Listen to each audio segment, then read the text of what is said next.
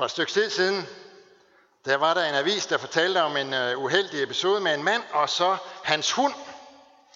Manden ville en aften ud og køre en tur i, øh, i skoven for at lufte hunden, og han satte sig ind i bilen, og så tog han hunden med. Men øh, til synlandet så brød hunden sig ikke om det, for den ville ikke ud i skoven og rende. Den, den pep, og den ville gerne ud af bilen, og det fik den så lov til. Manden lukkede hunden ud, og så kunne den rende rundt i haven imens, og så ville han så lige køre sig en aftentur. Men så var det så uheldigt, at da han lukkede bildøren, så var hundesnorene ikke kommet rigtigt med ud. Så da han gav sig til at køre, så måtte hunden følge med, om den havde lyst eller ej. Og den arme hund, den løb alt, hvad den overhovedet kunne for at følge med bilen. Heldigvis så var der så en, en motorcykelbetjent, som så, hvad der, hvad der var galt, og han satte efter bilen, og han fik den stoppet, og dermed reddede han jo nok hundens liv. Men den havde det ikke godt. Den lagde sig ned og tungen langt ud af halsen og gispe efter vejret, for den havde ydet alt, hvad den overhovedet kunne, og alligevel så den blevet trukket ufrivilligt afsted. Alt for mange mennesker lever deres liv ligesom den her hund, og bliver trukket afsted uden en af vilde. Og når der så endelig er et ophold, så er det med tungen langt ud af halsen for at prøve at få lidt luft. Og det kan både være med hensyn til karriere, studie, skolegang, en travl hverdag eller en børnefamilie, der skal have det hele til at hænge sammen. Men det kan også være på andre områder. For eksempel også det åndelige. Hvis jeg oplever det sådan, at det eneste, der møder mig der på åndelige område, det er krav og forventninger om, hvad jeg skal gøre, og hvordan jeg skal være, og hvordan jeg skal leve. Ofte så er det jo vores egne forventninger, der er de værste. For de fortæller mig hele tiden, hvordan jeg burde opføre mig over for mine medmennesker. Hvordan jeg burde besøge min syge nabo, og jeg burde i det hele taget leve som et meget bedre kristen menneske.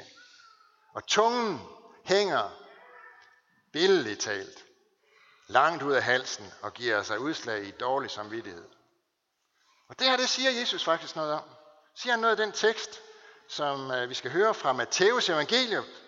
Vi skal rejse os op for at høre den nu, og Pia vil læse den for os. På den tid tog Jesus til ord og sagde, Jeg priser dig, Fader, himlens og jordens herre, fordi du har skjult dette for vise og forstandige, og åbenbaret det for umyndige. Ja, Fader, for således var det din vilje.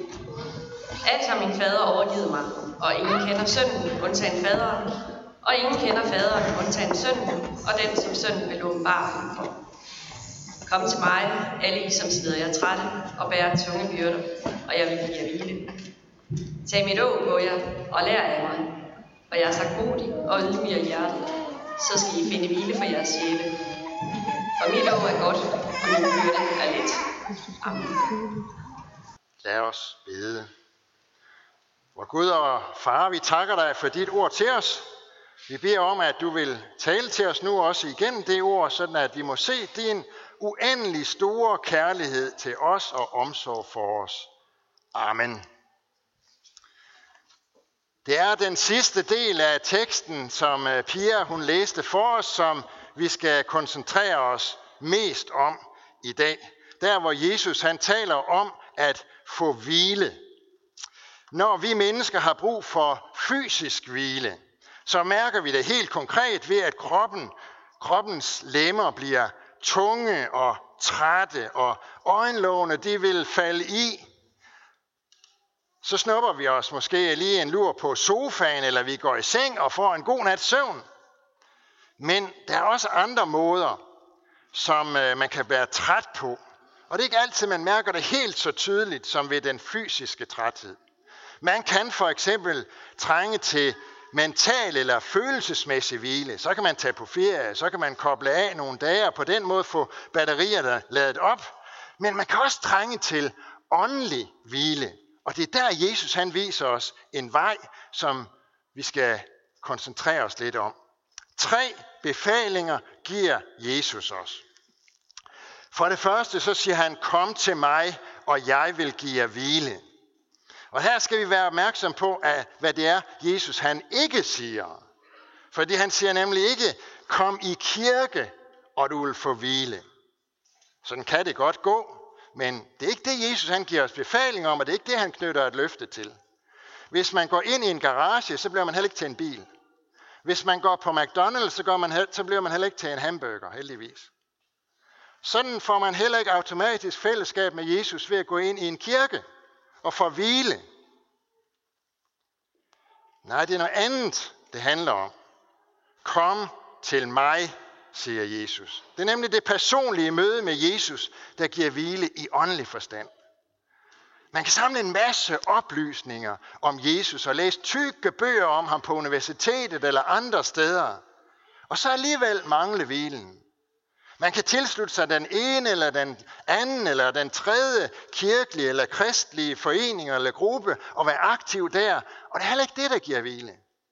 Man kan komme fra et fint og godt hjem, måske også hvor troen på Jesus var en naturlig ting, og alligevel så er det ikke det, der giver hvile i åndelig forstand. Fordi Gud han har ingen børnebørn, som vi hørte det, da Henrik og Asger blev døbt for lidt siden. Han har kun børn i lige linje, nemlig dem, som er døbt i hans navn. Døbt til at høre sammen med Jesus, sådan som Henrik og Asker blev det. Ved døbefonden hernede, lige for et øjeblik siden. Og som i troen har mødt Jesus og taget imod den gave, han har til os. Kom til mig, siger Jesus, for det er det personlige møde med ham, der er så vigtigt. Og det møde, det kan heldigvis godt ske i en kirke, men det kan også ske alle mulige andre steder. I hvert fald så sker det der, hvor hans ord bliver hørt eller læst, for Jesus møder os gennem ordet, altså igennem, igennem Bibelen. Det er faktisk det, som Jesus han har givet os løfte om. Der, hvor der bliver forkyndt om ham, der, hvor der bliver læst i Bibelen, igennem sit ord, har Jesus givet os løfte om at møde os. Ikke i skoven, eller på løbeturen, eller ved en åndelig oplevelse, eller i en kirke. Der er en ting mere, som øh, vi skal lægge øh, mærke til. Øhm, fordi det er nogle helt bestemte, Jesus han henvender sig til, når han taler om, vil, om, om hvilen. Nemlig dem, der slider sig trætte og bærer tunge byrder.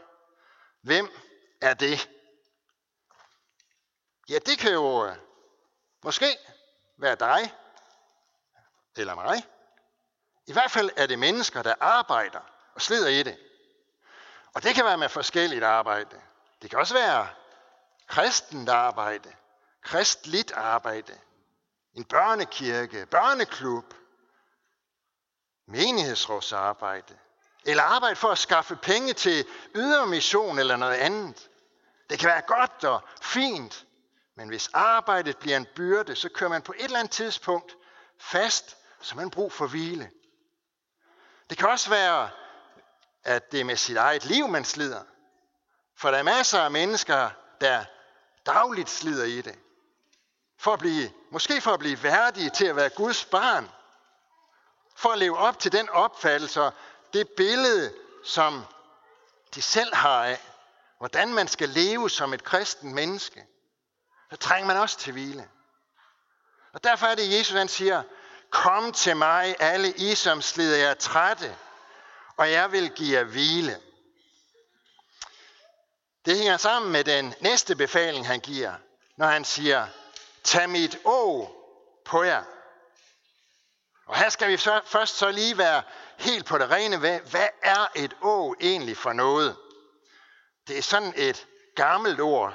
Det er, det er ikke sikkert, at vi alle sammen kender det ord. Men nogen vil helt sikkert have et fast billede af, at det er sådan noget med heste eller okser, øh, som skulle arbejde på marken, fordi et å, det kan nemlig godt være sådan et træredskab, som man lægger over nakken på dyrene, når de skal trække sammen.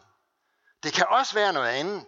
Det kan også være sådan en, en bærestang, som lægges over skuldrene på mennesker for at fordele byrden, og så kan man bære, på den måde bære to lige store byrder. Men et å, det kan også være sådan en moderne indretning, som man bruger til, til kraner. En stang med to kroge, hvor man hænger det, som skal løftes, og så et par kæder op til en ring, som der løftes i. Og selvom man selvfølgelig jo ikke havde den slags på Jesu tid, så er princippet jo det samme som det å, man lægger over nakken på, på okserne, eller den bærestang, man går med. Og det giver rigtig god mening med det her å, hvis vi prøver at fordele rollerne. Tag mit å på jer, siger Jesus. Det betyder, det er altså ham, der bærer. Og det er dig og mig, der skal bæres. Hvad er det, der skal bæres? Ja, det er alle de byrder, som livet kan byde os at flytte rundt på. Fejltrin, fejltagelser fra fortiden, bristede drømme, forkerte valg, skilsmisse, uvenskab, afvisning, skyldfølelse, fejlprioritering, skuffelser, sorger. Alt sammen kan det være byrder, som vi slider, slæber rundt på og som gør os trætte. Noget af det er uden tvivl selvopfundne byrder. Som når det for eksempel gælder det åndelige, og det handler om alt det, som hedder du skal og du bør. Et sted i apostlenes gerninger, der bruges å netop på den her måde. Det er der, hvor Jesu apostel Peter, han taler om, hvad hedninger skal opfylde for at kunne være kristne. Altså, hvordan det kan gå til det, at hedninge, de også kunne blive kristne. Så siger han, skal vi til at gå i rette med Gud og lægge en byrde på, altså et å, på disciplenes skuldre, som hverken vores fædre eller vi selv har været i stand til at bære. Tag mit å på, siger Jesus, og mener dermed, at han vil bære med os, og at det rent faktisk er meningen, at vi må læse af ved ham. En gang var der en gammel mand, som var på vej til, øh, til markedet. Han havde sin rygsæk med, den var fyldt med ting, som han skulle have solgt på markedet. Og han var gået et stykke vej, og han var gået hen og blev træt, for rygsækken den var tung. Og nu stod han så der ved vejen, for at se, om han måske kunne få et lift, og det fik han så faktisk. En hestevogn kom forbi, og den tog ham op og køre. Og så sad han der på vognen ved siden af kusken med sin rygsæk, og han fortalte om, hvor langt han havde gået, og hvor tung rygsækken den var, og hvor træt han var blevet. Og da de havde kørt et stykke vej, så sad han stadigvæk med rygsækken på, og kusken han undrede sig og sagde til ham, jamen tag dog rygsækken af, når den er så tung, og læg den her om bag i vognen. Nej, nej, nej, nej, sagde manden. Det er rigeligt, at du har mig op at køre. Rygsækken, den kan jeg godt selv bære. Nogle gange, så tror jeg, at vi mennesker opfører os lige så tosset. Tag mit å på, siger Jesus, og lad mig bære med dig. Det betyder ikke, at så bliver vi fri for at bære. At være et kristen menneske, det betyder ikke, at man bliver fri for byrder i livet. At leve i fællesskab med Jesus, det betyder ikke, at man bliver fri for byrder. Men det betyder, at så har man en at dele byrden med. En, som vil bære sammen med os. En, som vi får lov at læse af hos. Det gælder også den åndelige byrde, som siger, du skal, og du bør, og du må ikke, og du burde i det hele taget leve et meget bedre liv, og være mere næstekærlig, og have større tro. Den byrde vil Jesus helt hjælpe os af med, fordi den har slet ikke noget med kristen dom eller kristen tro at gøre. Og det hænger sammen med den tredje befaling, som Jesus han giver os. Lær af mig, siger han og får til, for jeg er sagt modig og ydmyg af hjertet. Jesus lærer os om Gud. Han lærer os, hvem Gud er. Ingen kender faderen, undtagen sønnen, og den, som sønnen vil åbenbare ham for, siger Jesus. Det betyder, der er kun én måde som man kan lære Gud at kende på. Og det er gennem sønnen, Jesus. For Jesus lærer os om Gud. Han lærer os, hvem Gud er. Han lærer os, hvordan vi skal tro på Gud. Han lærer os, hvordan vi kan leve med Gud, og hvordan vi kan have fællesskab med ham. Og det har ingenting med, at du skal, og du bør, og du må ikke at gøre. For når det gælder vores forhold til Gud, så har Jesus gjort det, der skal til.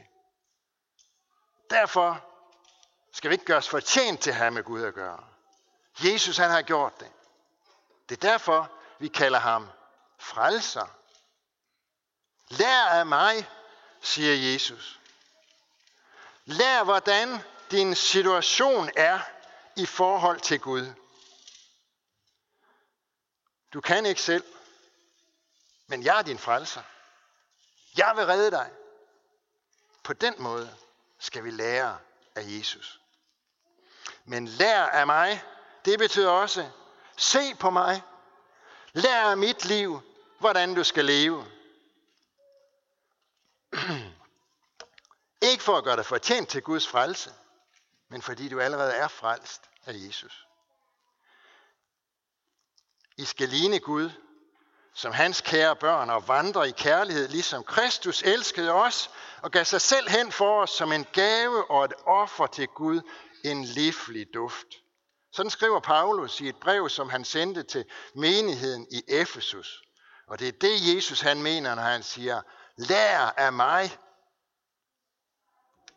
Tre befalinger giver Jesus os altså. Kom til mig for at få hvile. Tag mit å på jer, for at I kan bære med mig og jeg med jer, og lære af mig, hvordan I skal leve. Det er Jesu befaling til os, og det løfte han knytter til, det lyder, så skal I finde hvile for jeres sjæle, for mit å er godt, og min byrde er let. Amen. Lad os bede. Vi lover og priser og takker dig, vor Gud, Far, Søn og Helligånd, du som var, er og bliver en sand træen i Gud, højlovet fra første begyndelse nu og i al evighed. Vi takker dig for dit ord til os, for din kirke på jorden. Vi beder for din menighed her ved Herning Kirke. Lad ordet bære frugt og bevare os i troen på dig, og forny os i håbet om dit komme. Vi beder for alle, der har et ansvar inden for vores kirke, for menighedsråd, provst og biskop. Led dem og os alle, så vi handler i troskab mod dit ord og vores kirkes bekendelse. Vi beder og kalder den du der tro tjenere, og forkynder af dit ord. Vi beder for alle, der går med dit ord, både her hjemme og i det fremmede. Styrk du dem, hold din hånd over dem, og lad deres gerning bære frugt. Vi beder for børnene, som døbes, at de må blive oplært i den kristne tro. Og i dag beder vi for Henrik og Asker, at de må vokse i tro på dig. Vi beder for konfirmanderne og minikonfirmanderne, at de må få lov at se dig, så de aldrig glemmer det. Kald vores børn og unge ind på troens vej og beskærm dem mod alle ødelæggende kræfter. Vi beder for alt sandt kirkeligt og folkeligt arbejde. Vi beder for det kirkelige børnearbejde. Udrust du lederne, velsign du det. Vi beder for vores hjem og vores kære, velsign både ægte folk og enlige til at leve efter din vilje og gode ordning. Vi beder for alle, der er sat til at styre vort land, for vores dronning og hele hendes hus, for regering og folketing, for alle, der er betroet ansvar i stat, region og kommune. Led dem, så de forvalter deres ansvar ret.